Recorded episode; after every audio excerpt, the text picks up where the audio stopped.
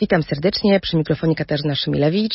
Jesteśmy w podcaście Panoptykon 4.0 w kolejnym odcinku z serii, którą mogłabym nazwać, gdybym nazywała serię Jak ujarzmić e, cybergigantów. Mm, od dłuższego czasu wraca temat problemów jakie powodują e, wielkie platformy w życiu społecznym, politycznym, gospodarczym również.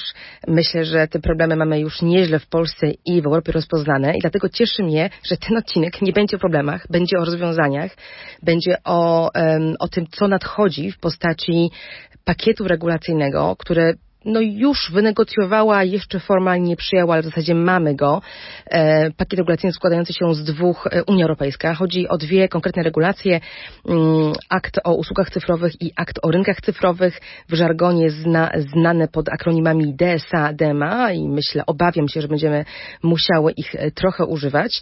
E, musiały, bo jest nas dwie, e, do tej rozmowy o, o tym, co w związku z DMA ma szansę zmienić się na styku człowieka człowieka i wielkich platform, na ile uda się ochronić ludzi przed zagrożeniami, jakie model biznesowy tych firm kreuje społecznie, a jednocześnie mam nadzieję otworzyć rynek i też e, zwiększyć konkurencję, doprowadzić tutaj do przełamania na rzecz europejskich firm. O tym wszystkim porozmawiam z e, Różą Tun, która jest moim gościem w tej rozmowie. Dzień dobry. Panoptykon 4.0 Podcast TOK FM.pl i Fundacji Panoptykon. Myślę, że, że tej gościni przedstawiać nie muszę, ale zrobię to e, nader chętnie. Róża Tun od 2009 roku jest posłanką do Parlamentu Europejskiego to jest kawał czasu, jeśli chodzi o regulację e, technologii. Wybrana na kolejne trzy kadencje z list e, Platformy Obywatelskiej, ale od e, ubiegłego roku już w ugrupowaniu Polska 2050, a w Europie we frakcji Odnówmy Europę. Bardzo by się to przydało, więc trzymam kciuki za ten projekt. Róża Tun pracuje w komisjach, które mają zasadnicze znaczenie dla ochrony praw ludzi i konsumentów, dlatego cieszę się bardzo, że, że właśnie o tym dziś będziemy rozmawiały. Komisja Rynku rynku wewnętrznego e, i ochrony konsumentów była wiodącą w pracach nad, nad DSA. E, no właśnie, a sama Róża Tun była jedną z najaktywniejszych i niewątpliwie najbardziej merytorycznych e, osób zaangażowanych w ten proces, mm, więc cieszę się, że to właśnie Róży Tun będę mogła zadać dzisiaj pytanie o co wy tam zrobiliście w tej Brukseli? O co chodzi w tej reformie i jakie są wasze nadzieje w niej pokładane? Co my, co my tam kombinujemy? To jest, to jest dobre pytanie. To się nazywa akt o usługach cyfrowych. To może brzmi ba, bardziej ludzko niż DSA, prawda?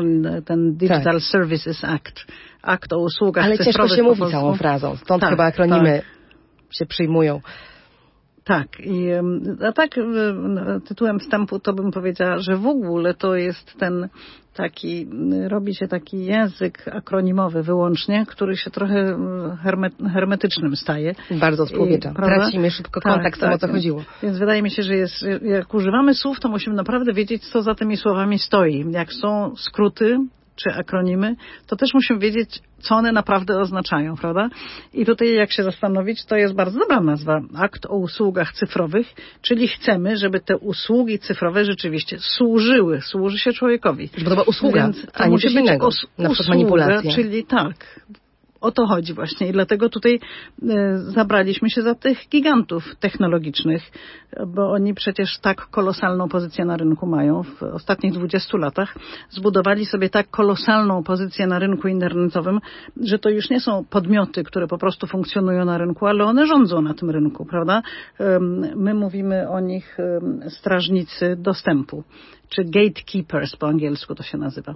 E, my mówimy o nich strażnicy dostępu, bo oni się tak rozepchnęli, że to właściwie oni dzisiaj decydują, kto ma dostęp I do, czego? do tego rynku, o to chodzi, do uh -huh. tego rynku internetowego, a kto nie, bo oni um, um, nie tylko są na tym rynku obecni, uczestniczą na tym rynku, walczą o klienta, zmagają się z konkurencją, ale oni, przez to, że dotychczas nie było żadnych regulacji, to właściwie oni decydują o tym, jak ten rynek funkcjonuje, kogo na ten rynek wpuścić, kogo nie. Co jest jakie, legalne, jak, co jest nielegalne. Tak, jakie tam są zasady, jakie interesy ekonomiczne, kto reprezentuje, ten jest interesujący albo nie, e, kto jest dla nich zagrożeniem ewentualnym i tak dalej, i tak dalej. E, no, to jest po prostu bardzo duże zagrożenie na rynku. Więc my musieliśmy zabrać się za, za tą robotę. Usługi mają być usługami, czyli postanowiliśmy ograniczyć nieco rolę tych kolosalnych gigantów i Chodzi nam o to, że skoro oni na tym rynku odnoszą korzyści, wymierne korzyści, ogromne korzyści, to muszą tak samo ponosić odpowiedzialność. I stąd się wziął ten akt. To brzmi świetnie, ale na granicy idealizmu. Czy to można zrobić w regulacji? Co, no. albo inaczej zapytam, co w tej regulacji daje nadzieję Wam, eurodeputowanym, którzy o nią walczyliście naprawdę y, dziennie przez te ostatnie dwa lata, daje nadzieję, że to się uda? Ja w ogóle nie lubię, jak się mówi, że się nic nie da zrobić, bo jasne, że to jest wielka wizja i wielki projekt, ale te wielkie projekty się składają z różnych elementów małych i małych cegiełek. Ja mam doświadczenie z walki o to, żeby znieść roaming. I e, gdyby pani wiedziała, ile osób, ilu operatorów i polityków mówiło, że tego się zrobić nie da. E, Konsumenci I... też się przyzwyczaili, że już muszą płacić i narzekali, ale, ale Narzekali, płacili. ale płacili właśnie. Nie należało, nie należy się przyzwyczajać do takich rzeczy. Należy zawsze spróbować, spróbować wybić w tych murach e, przejścia i, on to, i to się da zrobić. Więc co my teraz zaproponowaliśmy? Za około półtora roku platformy internetowe będą miały dodatkowe obowiązki, o które, które już zostały wynegocjowane z Radą i one zostaną nałożone na te platformy. To znaczy, to co mnie bardzo interesuje osobiście również, na przykład jak kiedy zgłaszamy hejt w sieci. One muszą reagować, nie tylko odpisywać nam, że coś tam zrobią, ale one muszą y, konkretnie reagować. Ja chciałam, żeby one musiały natychmiast y, likwidować ten hejt i tak dalej, jeżeli spełnia warunki takie, które na tych platformach są opisane. Nie wszystko udało nam się osiągnąć, no bo jak zwykle Rada, która reprezentuje państwa członkowskie, zmiękcza te nasze regulacje i obowiązki, które chcieliśmy nałożyć na platformę są mniejsze niż by, by tego sytuacja żądała. No, ale ale będą musiały no, bardziej reagować a jeżeli nie zareagują, to będzie ścieżka odwoławcza, prawda? Również ścieżka ludzi i są, i są też kary. Prawda? W ogóle, jeżeli nie będą się trzymać tego aktu e, o usługach cyfrowych, to są to są kary. Więc Dość konkretne, do 6% bodajże ich bardzo obrotu. Bez, tak, a, a obroty są po prostu kolosalne, więc to są kary bardzo znaczące. Um, Druga rzecz y, to jest, to są oczywiście algorytmy. I o tych algorytmach chcemy naprawdę tutaj jeszcze większego postępu, ale już to, co udało się osiągnąć, to już jest postęp. Y, na przykład jest cała dziedzina danych wrażliwych. I nie zgadzamy się na wykorzystywanie danych wrażliwych do reklam, prawda? Dzisiaj można dowiadywać się o człowieku właściwie tyle, co się chce. To wszystko się sprzedaje wspaniale, można z tego robić reklamy. Ludzie nie bardzo wiedzą, jak te całe telefony trzymają takie pudełeczko w ręku, jak mój znakomity doradca Łukasz Klejnowski mówi, przecież ludzie nie wiedzą, co w tych pudełeczkach, które używają, jest. No, no i to prawda, że żeby, nie wiedzą. Żeby utrudnić im percepcję, to najwięcej tego dzieje się na serwerach gdzieś tam daleko, prawda? Czyli pudełeczko no, jest tylko tym, tym, tym no, właśnie... miejscem, w którym wchodzimy w sieć, a potem jak cała ta obserwacja, działa? tak, dzieje się jeszcze gdzieś indziej i to tutaj podbija tylko wątek, e, który też my, Panoptykon, w ramach e, współpracy z eurodeputowanymi bardzo mocno podbijaliśmy i, i, i, i wiem, że w komisji, w której pani pracowała, ten wątek był zrozumiały. Kłopotem jest nie tylko to, że ludzie dużo o sobie piszą. Kłopotem przede wszystkim jest to, że można ich obserwować w tej sieci.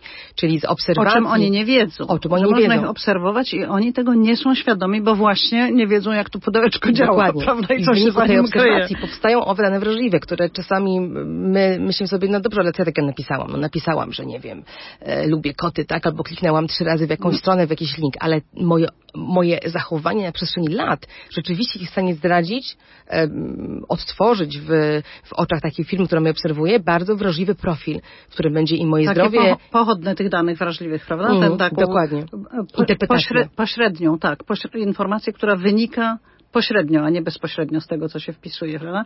I tego jest bardzo dużo. To jest to największe być, złoto. To jest, to jest ogromne złoto, ale to też może być bardzo niebezpieczne dla użytkownika.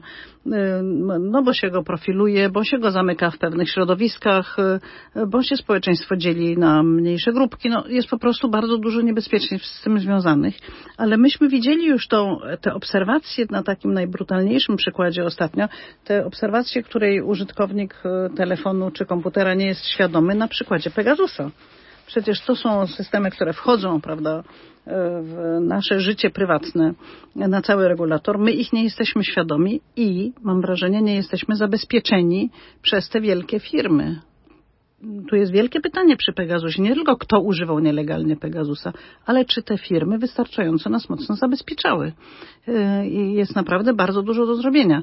One powinny mieć taki obowiązek, żebyśmy jednak użytkownicy internetu byli bezpieczni, bo tutaj wchodzenie w prywatność jest po prostu na poziomie 100%. Tak, rzeczywiście regulacja tego, na jakiej zasadzie te firmy powinny, a na jakiej nie powinny e, współpracować mhm. z organami ścigania i innymi służbami, to jest cały osobny temat, który, e, którego owa regulacja też w pewnym sensie o, o niego zahacza, ale myślę, że to już jest polityka no, między państwami w ramach państw, w której Unia Europejska ma do, do dogania rolę jak najbardziej, ale jest to niezwykle trudna um, sprawa do regulacji z poziomu europejskiego. Ale wracając do samych firm, gdzie mam nadzieję będzie łatwiej, bo to jednak jest rynek, prawda? Czyli tu, tu, regulujecie rynek, a więc macie silne kompetencje jako parlament, jako Unia Europejska.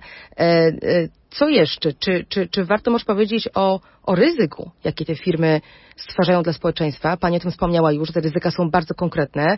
Zahaczamy o sprawy fundamentalne. Polaryzację, dezinformację, e, hejt w sieci, uzależnienia cyfrowe, e, traumatyczne doświadczenia i dzieciaków i dorosłych w wyniku tego, jak są profilowani, co widzą w sieci, w jakie dziury królicze, tak się o tym mówi w żargonie, są wciągani przez algorytmy. E, czy tu będziemy mieli zmianę na lepsze? Myśmy się tutaj bardzo na tej polaryzacji, akurat na hejcie tak samo skupiliśmy się w znacznym stopniu, ale ta polaryzacja w sieci jest czymś, co widzimy na, co, codziennie. Akurat w Polsce, na przykład w polityce, ja jestem politykiem i w Polsce w polityce polaryzację bardzo mocno widać. No i widać, że dla tych platform, platform wykorzystywanie negatywnych uczuć, negatywnych emocji jest czymś bardzo korzystnym, bo człowiek więcej czasu w sieci spędza, więcej pisze, więcej czyta. W związku to jest ta recepta na zaangażowanie. O to chodzi, na, na, zaangażowanie, na wciąganie tego użytkownika e, coraz głębiej, ale to nie jest to przecież o co nam chodzi. Mówimy cały czas o usługach, czyli czymś dobrym dla społeczeństwa, czymś dobrym dla obywatela. Miała być informacja, tutaj, a nie emocje. Ewentualnie edukacja. Nie, na pewno nie negatywne emocje, prawda? Zrozumienie świata, prawda? otwieranie się na innych. Cały internet miał nas zmieniać na lepszych. Niekoniecznie tak się dzieje. I y, tutaj zaproponowaliśmy kilka odpowiedzi na te negatywne zjawiska, jak właśnie polaryzacja, którą Pani wspomina w tym, w tym akcie o usługach. I ja sobie pomyślałam, że może o trzech byśmy powiedziały. Jeden to jest dokonywanie regularne oceny ryzyk społecznych, które wynikają z funkcjonowania tych platform i one będą do tego zobowiązane. Poza tym będą zobowiązane do działania, które ograniczają te ryzyka i muszą organizować sobie niezależne audyty. Z mhm. firm, nie swoich firm, tylko niezależne z zewnętrznych. I to rzeczywiście będzie zmiana, która zwiększy naszą wiedzę o tym, co i z naszymi danymi się dzieje i jak my reagujemy na y, treści, które no, otrzymujemy i tak dalej.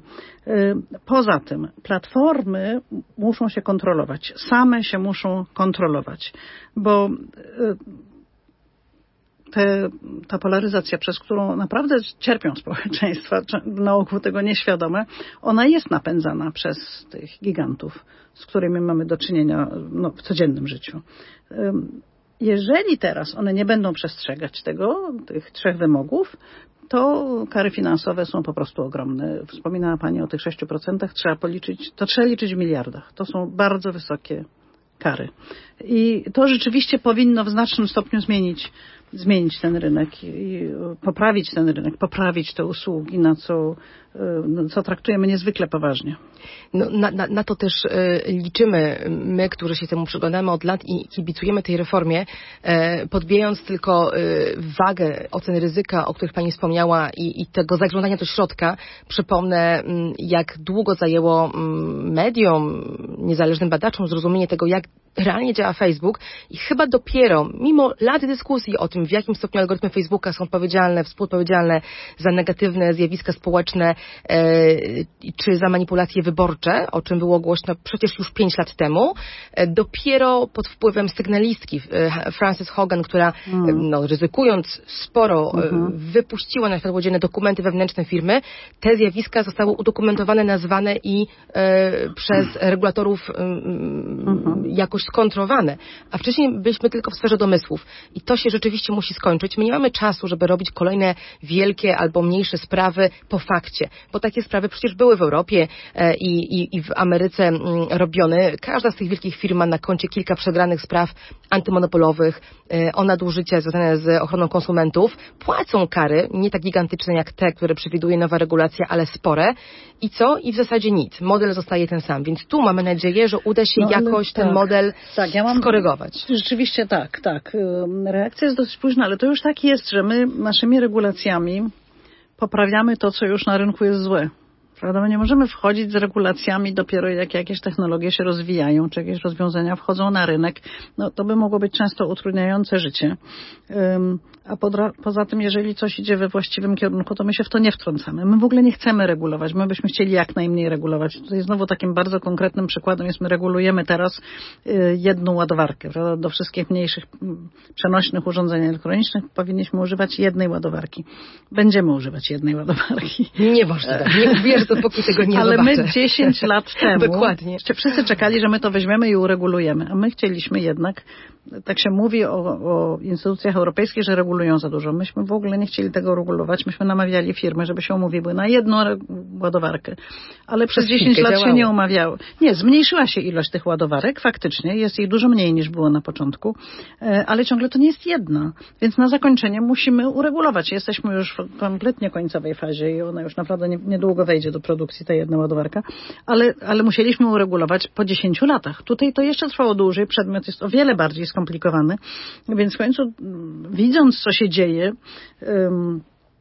w końcu te trzy lata temu zaproponowaliśmy w Parlamencie Europejskim komisji, czy tam przymusiliśmy nawet komisję, żeby e, przygotowała projekt regulowania właśnie tych wielkich, tych gigantów. Mo, I od mo, tamtego może... czasu toczy się, komisja zaproponowała, no i toczy się ta praca właśnie. No właśnie, może, może powiedzmy e, parę zdań o tej pracy, bo to jest coś, czego myślę wyborcy, ludzie, obywatele nie wiedzą. Praca w Parlamencie Europejskim nie należy do łatwych, to nie są sprinty, to są maratony wymagające no niebywałej orientacji w terenie, i merytoryczny, jeśli chodzi o temat regulowany, ale też olbrzymiej pracy politycznej, bo przecież nawet najlepszy jeden deputowany sam niewiele może, jeżeli nie uzbiera poparcia w swojej grupie albo między grupami. Jak to wyglądało tym razem? Były Jedna duże osoba spory? Nic nie może. Jedna osoba nigdy nic nie może, uh mhm. -huh. więc trzeba oczywiście z całą grupą polityczną, ale um, E, no jasne, że były bardzo duże spory, szczególnie, że e, trzeba przyznać, że ci giganci, oni dysponują ogromnymi pieniędzmi, oni mają bardzo dobre biura w Brukseli i przyjeżdżają do Strasburga, mają wspaniałych lobbystów, robią różne wydarzenia, wydają na to kupę kasy. I zawsze ochrona konsumenta jest gdzieś tam w ogonie, dlatego, że organizacje konsumenckie nie dysponują takimi środkami, już nie mówiąc o tym, że ci specjaliści od właśnie przedstawiciele tych gigantów są przekonywujący, wykształceni, błyskotliwi. No to nie jest to łatwa rozmowa. Ludzie. Bardzo mhm. interesujące rozmowy z nimi się toczą. No, mm, e, ale właśnie organizacje takie jak Panoptykon Y, są naszymi niezwykle ważnymi partnerami i my musimy sami wiedzieć albo gdzie ich znaleźć, albo czytać od nich maile, wchodzić z nimi w rozmowę, traktować ich super poważnie, chociaż nie mają żadnych wielkich biur i nie jeżdżą luksusowymi samochodami z kierowcami, prawda? I, I, to jest zadanie dla posłów, czy dla legislatora każdego, żeby zbierać informacje z różnych stron, żeby mieć dobry zespół w swoim gabinecie, dobry zespół doradców. Ja na szczęście mam wspaniały zespół i eksperta, który się nazywa Łukasz Klejnowski, który jest moją prawą ręką e, w tej materii, od roamingu począwszy przez ładowarkę aż do DSA. E, to I, prawda. I e, no, no, to jest robota niezwykle ciekawa, muszę przyznać, ale nie dość, że trzeba no, się zorientować w tych rozwiązaniach, korzystać też z wiedzy zebranej przez innych europosłów i europosłanki i ich e, zaplecze, to jeszcze trzeba właśnie większość w parlamencie najpierw przekonać do swojego rozwiązania, a potem jeszcze przekonać do tego Radę, bo Rada przygotowuje, prawda, Państwo wiedzą jak się tworzy legislacja. Komisja Europejska proponuje i potem um, nadaje te, te, propozycje, przysyła do Parlamentu Europejskiego i do Rady. My nadajemy swój kształt tej propozycji Komisji Europejskiej. Rada nanosi swoje poprawki. Ta praca nad tymi tak zwanymi poprawkami, pro, poprawianiem tej propozycji od Komisji, czy nanoszeniem tam tych propozycji, które uważamy za ważne, trwa trochę. Potem Jakiś musimy rok, się... a to tak był sprint y, tym razem? No i, ich jest setki, a czasami tysiące. Y, ja sama chyba kilkadziesiąt propozycji wprowadziłam do tego dokumentu. Potem trzeba walczyć o to, żeby one przeszły w Parlamencie Europejskim. Jak już ustalimy wspólny tekst w Parlamencie Europejskim, co trwa, to się negocjuje z Radą, potem z Radą musimy wytworzyć, utworzyć wspólny dokument i ten dokument dopiero staje się prawem tak. dopiero jak przyjmiemy ten wspólny dokument. I problem nasz A Rada jest taki... nie jest monolitem. No więc Rada, Tam ale, są jeszcze różne rządy. też nie jest, tylko że, że Rada nie jest monolitem i w Radzie często mam wrażenie, już tutaj nie chcę nadawać na przedstawicieli rządów, ale nadam jednak, y, zmiękcza. No, my jesteśmy dużo bardziej po stronie konsumenta. To jest prawda. My jesteśmy dużo bardziej, my, w Parlamencie Europejskim jest taki głębszy oddech, co jest dobre dla rozwoju całości, całej Unii, a w Radzie są partykularne interesy. Jakiś kraj ma jakieś wielką firmę, firmy u siebie, która płaci ogromne podatki, to oczywiście taki minister finansów nie chce, żeby jej, ją za bardzo regulować, bo my jednak tych gigantów chcemy chcemy. My ich chcemy też opodatkować. Tutaj na przykład z tymi podatkami to mamy problem z polskim rządem, dlatego że podatki muszą być przyjmowane jednomyślnie, a rząd polski mści się za to, że dotychczas nie spłynęły pieniądze z KPO, który to blokuje sam rząd polski, bo łamie prawo, prawda? Ponieważ rząd polski nie otrzymał pieniędzy z KPO, w związku z tym w Radzie blokuje wszystko, co się da. Tam, gdzie jest jednomyślność, blokują po prostu wszystko. KPO to I jest blokują, fundusz odbudowy. To jest ten słynny fundusz odbudowy popandemiczny. I, y, i, I, rząd polski, w związku z czym, że, że łamie prawo i komisja nie może wypłacać pieniędzy do Polski, więc rząd polski mówi, to my będziemy wam bruździć w, w, całym prawie, które chcecie robić. Chcemy opodatkować tych gigantów porządnie i obywatele tego chcą. Wszyscy chcą, żeby ci, którzy zarabiają na rynku europejskim, płacili też tutaj podatki, e, a tymczasem rząd polski, korzystając z tego weta, e, blokuje opodatkowanie tych gigantów, prawda, z czego również mamy mniej pieniędzy w Unii Europejskiej to są tematy tak skomplikowane. To bardzo pokazuje, że... jak działają te partykularne interesy, tam gdzie one są partykularne. I z Radą często takie interesy właśnie są. Mamy takie problemy przy negocjowaniu z Radą. My chcemy czasem, żeby jakieś prawo wprowadzić szybciej. Oni nam opóźniają. I tutaj... No tu było niezwykle ważnym czynnikiem na samym finiszu prac, poza kontekstem wojny w Ukrainie, którego nie dało się zignorować i który szczęśliwie dla tej reformy podbił jeszcze znaczenie regulacji algorytmów między innymi, to mamy przecież, mieliśmy wybory we Francji, które powodowały, że prezydencja francuska odpowiedzialna za ten projekt po prostu biegła e, do mety jak najszybciej, żeby ogłosić sukces. Czy to był sukces dla nich? Nie wiem, ale tak było to opowiadane wyborcom we Francji e, przez Macrona. E, Oni nie rozumiem. tylko mieli wybory, ale oni mają prezydencję, prawda? Tak, tak, oni mieli oba, o, obie te to rzeczy. Znaczy, to znaczy tak, są przewodniczą Radzie Europejskiej, prawda? Prze są prezydentem Europy w tej chwili jest Macron. I dlatego Jeszcze to opowiedzieć jako swój sukces, tak. E, że opiekowali się, prowadzili e, te prace. I to jest taki czynnik, który nie wiem, jakby wyglądały te prace na końcu, te trudne, o których Pani mówi, negocjacje z tymi wszystkimi partykularnymi interesami, gdyby nie na przykład y, ta okoliczność. Czy to by się skończyło relatywnie szybko. No dobrze, ale to się nie skończyło. Ja mówię, skończyło się, bo mamy te przepisy wynegocjowane, wiemy, co tam jest, ale najważniejszy etap przed nami, prawda? Czyli tego wyegzekwowanie i wdrożenie w konkretnych krajach, a potem objęcie opieką przez niezależne organy, które wyobrażamy sobie wszyscy, że mhm. będą gdzieś tam czuwały nad tym, o czym mówiłyśmy, czyli na przykład szybkimi reakcjami platform na zgłoszenia, że jest hejt, że jest nielegalna treść, że jest dezinformacja, te oceny ryzyka, które oni mają robić, ktoś musi to sprawdzać. Te audyty później tak Dokładnie. tak samo Potrzebujemy zębów dla tej regulacji. Czy mamy szansę e, na jej egzekwowanie między innymi w Polsce? No, ja uważam, że oczywiście zawsze mamy szansę na egzekwowanie. Znaczy nie tylko mamy szansę, ale mamy obowiązek i musimy to wyegzekwować. Chociaż zawsze tak jest, że te wielkie firmy starają się jakieś sobie znaleźć furteczki i troszkę omijać te regulacje, bo chcą mieć większą korzyść. Ale Zmiany są też bardzo szybkie na rynku. My bardzo często w technologii są też kolosalne zmiany. Y, my często narzekamy na to, że my jesteśmy za tymi zmianami, że my jesteśmy spóźnieni, prawda, że my, że my za późno regulujemy. Ale no, krok po kroku my, ja uważam, że wyegzekwujemy rzeczywiście to, co zostało teraz przyjęte. E, to nie będzie regulowane kraj po kraju, tylko my musimy dawać jak największe kompetencje instytucjom europejskim, żeby one tutaj tak samo odgrywały ważną rolę. I komisja taką rolę odegra. Komisja musi tę rolę odgrywać. Ja w ogóle walczyłabym o to, żebyśmy komisji dawali więcej, a nie coraz mniej kompetencji, bo okazuje się, że kiedy to robimy, kiedy kontrole odbywają się ponadnarodowo, to one są bardziej obiektywne, szybsze, lepsze i zresztą internet nie ogranicza się do granic jednego kraju. I tutaj można mówić, że to jeszcze nie jest, nie jest wszystko, nie uregulowaliśmy całego rynku, ale jednak jednak no, kropla drąży skałę i idźmy krok po kroku, rzeczywiście.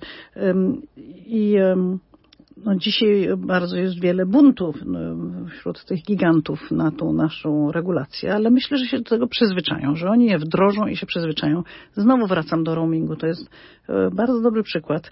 Pamiętam, jak negocjowaliśmy roaming, to przychodzili do nas przedstawiciele tych operatorów i mówili nam y, z ogromnym uporem, że się tego nie da zrobić, prawda? Że to nigdy nie zaistnieje, że to jest niemożliwe. Nie? Dzisiaj już nikt tego nie mówi w ogóle. Mało kto pamięta, jak było źle. No, przyzwyczailiśmy mm. się do tego i operatorzy się przyzwyczaili, że nie mogą zdzierać z nas. W ogóle nie chcieli nam dawać danych. Nie wiedzieliśmy, jakie jest przebicie, prawda, na y, tam sekundzie używania telefonu na przykład i tak dalej. Musieliśmy sobie to wyliczać. No naprawdę y, bardzo trudne były te negocjacje. Musieliśmy wyciągnąć wyciskać od nich e, różne informacje. E, a tymczasem dzisiaj, jak się rozmawia z przedstawicielami tych samych firm, to właściwie wszyscy razem idziemy do tego, żeby jeszcze ciągle ulepszać. I co jakiś czas, kiedy odnawiamy te umowy roamingowe, to po prostu jeszcze bardziej po stronie konsumenckiej e, ulepszamy te usługi. I tutaj jestem przekonana, że to też tak będzie, że że, że nastąpi taka zasadnicza zmiana, że będziemy w dalszym ciągu współpracować z tymi gigantami, ale w takim celu, żeby e, usługi, ten rynek usług internetowy był coraz bardziej przyjazny dla społeczeństwa, coraz bardziej odpowiedzialny. Tak się stało w wielu dziedzinach. Więc ja nie Nawet mam. w bankach, więc może i tu jest to możliwe. Ja nie mam wrażenia, że nie można, e, że nie można nic zrobić musimy rzeczywiście przede wszystkim musimy chronić użytkowników. Musimy brać odpowiedzialność za to, jakie zmiany, kolosalne zmiany społeczne e, wprowadza w, wprowadza to, że wszyscy siedzimy w internecie. W jakie mm. zmiany w naszej świadomości to, to robi. W funkcjonowaniu, przede wszystkim rzeczywiście w funkcjonowaniu z naszego społeczeństwa. I sprawa nie jest zakończona, jeszcze trochę potrwa, ale no ja właśnie, jestem przekonana, że zrobiliśmy solidny krok. Na horyzoncie, jeśli chodzi konkretnie o platformy, czy jest taki temat, um, który na pewno jeszcze musicie rozwiązać, wrócić do niego w jakiejś innej regulacji, ale już go widać na horyzoncie? Czy jest nim może reklama, o której wspomniałyśmy trochę? Znaczy, a nie wiem, czy to, co już my mamy w, na, no, w naszym DSA, czyli ta ochrona danych wrażliwych, czy to wystarczy? No, reklama tu jest w ogóle królu problemu, prawda? Reklama to jest w ogóle ta, to co dotyczy reklamy, to w ogóle jest najważniejsze. I Tutaj mówimy w, w tej regulacji mówimy o reklamie śledzącej, prawda? Wyrażaniu zgody na reklamę śledzącą. To znaczy obowiązku, chcemy na, na te platformy nałożyć obowiązki takiego pytania o zgodę, by konsument rzeczywiście wiedział, co wybiera. Miał wybór i żeby wiedział, co wybiera. I to dotyczy kwestii tych systemów rekomendujących. One są na bardzo wielu stronach internetowych je mamy i musimy wiedzieć, dlaczego nam pokazują takie treści, a nie inne treści. Ten nasz wybór musi być e, świadomy. Pełna zgoda. Ja bym też to podbiła, że, że wybór tak, przejrzystość tak, ale do pewnego momentu wiemy też z obserwacji rynku, że ludzie no, są znu, znużeni wyborem, są zniechęceni prawda, wyborem, tak. kiedy uważają, prawda. że on jest pozorny. I to, o czym Pani powiedziała wcześniej, ta nieświadomość głębokości śledzenia jest faktem, bo to jest gigantyczny przemysł e, przerabiania ludzi na te profile marketingowe. Mało kto jest w stanie się z tym, z tym zorientować i stąd taki, taka sugestia wielu obserwatorów tego procesu, wielu, e, wielu działaczy społecznych, żeby jednak pewnych praktyk zakazać. Jestem ciekawa, czy to pomyślenie w Europie, już abstrahując od tej konkretnej regulacji, jest jednak na przykład zakazanie reklamy, która e, w swoim zasadniczym koncepcie ma to śledzenie, manipulowanie. Czy można byłoby iść taką, po takiej linii, że nie na wszystko możemy się świadomie zgodzić, że pewne rzeczy powinny po prostu być niedozwolone, bo są nadużywające też nie wiem, na ile właśnie ta świadomość może kiedykolwiek sięgać, na ile będziemy rzeczywiście wiedzieli, na co my się godzimy. Tak. I myślę, że tu jest temat otwarty. To są drzwi, y, przez które musimy przechodzić. Będziemy powoli przez nie przechodzić, bo to jest niezwykle ważny, ważny i, i delikatny temat, na który powinniśmy odbyć jeszcze wiele rozmów właśnie ze specjalistami, z ekspertami, z ochroną konsumenta, z psychologami i tak dalej. Koncepcja I, nieuczciwej reklamy. Co to znaczy dzisiaj, prawda? Jak, jaka to tak. jest ta nieuczciwa, ta krzywdząca? I dzieci, i dorosłych nieuczciwa reklama, nieuczci, e, nieuczciwe zachowania, e, właśnie wciąganie ludzi w jakieś środowiska, w których niekoniecznie są też świadomi, że się dają wciągać, albo im to sprawia przyjemność, klikają, że chcą się wciągać, ale nie wiedzą do końca, jakie to może mieć dramatyczne skutki dla nich. I tutaj zakazami nie wiem, czy do czegokolwiek dojdziemy, bo najpierw trzeba by bardzo dokładnie wypracować, co rzeczywiście jest czarno na białym problemem tak, rzeczywiście takim elementem, który jest zdecydowanie wyłącznie szkodliwy. Potrzebujemy tak samo bardzo dużo edukacji w tej dziedzinie. My dzisiaj nie możemy udawać, że nie widzimy tych wyzwań kolosalnych i edukacja w tej dziedzinie jest ogromna, nakładanie odpowiedzialności na platformy, ale takich, żeby właśnie społeczeństwa nie niszczyły, tylko społeczeństwo budowały. I ta odpowiedzialność za budowanie społeczeństwa świadomego i odpowiedzialnego, i to jest odpowiedzialność platform, to musimy zdecydowanie regulować i w dalszym ciągu kontrolować. Więc mm, ja jednak wierzę, że robimy teraz pierwszy krok do przodu, a potem właśnie te to będzie cały czas jeszcze się poprawiało i zmieniało, ale oczywiście z uczestnictwem e, nie tylko platform, ale organizacji takich jak Panoptykon, jak właśnie ci partnerzy społeczni są niezwykle ważni tutaj i o taką aktywność też proszę i zabiegam. Dziękuję. Mogę zadeklarować przynajmniej w swojej pracy, że, że ona nie zaniknie, a wielcy e, obecni tej rozmowy, wielcy decydujący o tym, jak to będzie wdrażane, czyli same platformy, e, mam nadzieję, że, że będą się wsłuchiwać w ten głos decydentów, ten głos krytyczny po to, żeby nie eskalować po prostu tych zagrożeń, tylko je powoli już rozładowywać, zanim mm, wszyscy znajdziemy się w jakiejś dystopii e, cyfrowej e, i będzie na to za późno. Więc dziękuję za ten optymizm dzisiaj, dziękuję za konstruktywne podejście i za Waszą pracę w parlamencie, bo jestem e, fanką tej instytucji jako jednej z niewielu, która próbuje coś na dobre zmienić w tym, na tym cyfrowym rynku. Serdecznie dziękuję. Moją gościnią dziś była eurodeputowana Róża Tun. Ja też bardzo dziękuję i muszę przyznać właśnie, że z wiedzy e, osób takich jak moja dzisiejsza rozmówczyni e, dużo korzystamy. I e, to nie jest tak, że wiedza działaczy właśnie organizacji pozarządowych, ekspertów tutaj ogranicza się do kręgu środowiska wyłącznie czy w kraju, w którym pracują ta wiedza się zbiera w takim miejscu jak Parlament Europejski, który, o którym czasem się mówi, że jest wieżą Babel, ale we wszystkich krajach są tacy ludzie. Ta wiedza się zbiera w jednym miejscu i staramy się z niej zrobić co najlepsze. I tutaj chcemy uregulować rzeczywiście wielkich graczy, y, którzy grają również na naszych umysłach, na, naszym, na naszych emocjach i y, formułują w znacznym stopniu funkcjonowanie naszych społeczeństw i to chcemy zmienić na lepsze. Trzymamy kciuki mm, za efekty tej ważnej reformy. Do usłyszenia. Dziękuję Wam za wysłuchanie tej rozmowy. Kończymy ten odcinek podcastu Panoptykon 4.0. Żegnam się. Katarzyna Szymilewicz. Technologie i człowiek. Człowiek i technologie. Gdzie na tym styku czekają na nas zagrożenia? Jak korzystać z technologii, by na nich skorzystać? Jak kontrolować, kto gromadzi o nas informacje i do czego ich używa? Z ekspertami i praktykami rozmawia Katarzyna Szymielewicz. Panoptykon 4.0 Podcast to KFM.pl i Fundacji Panoptykon.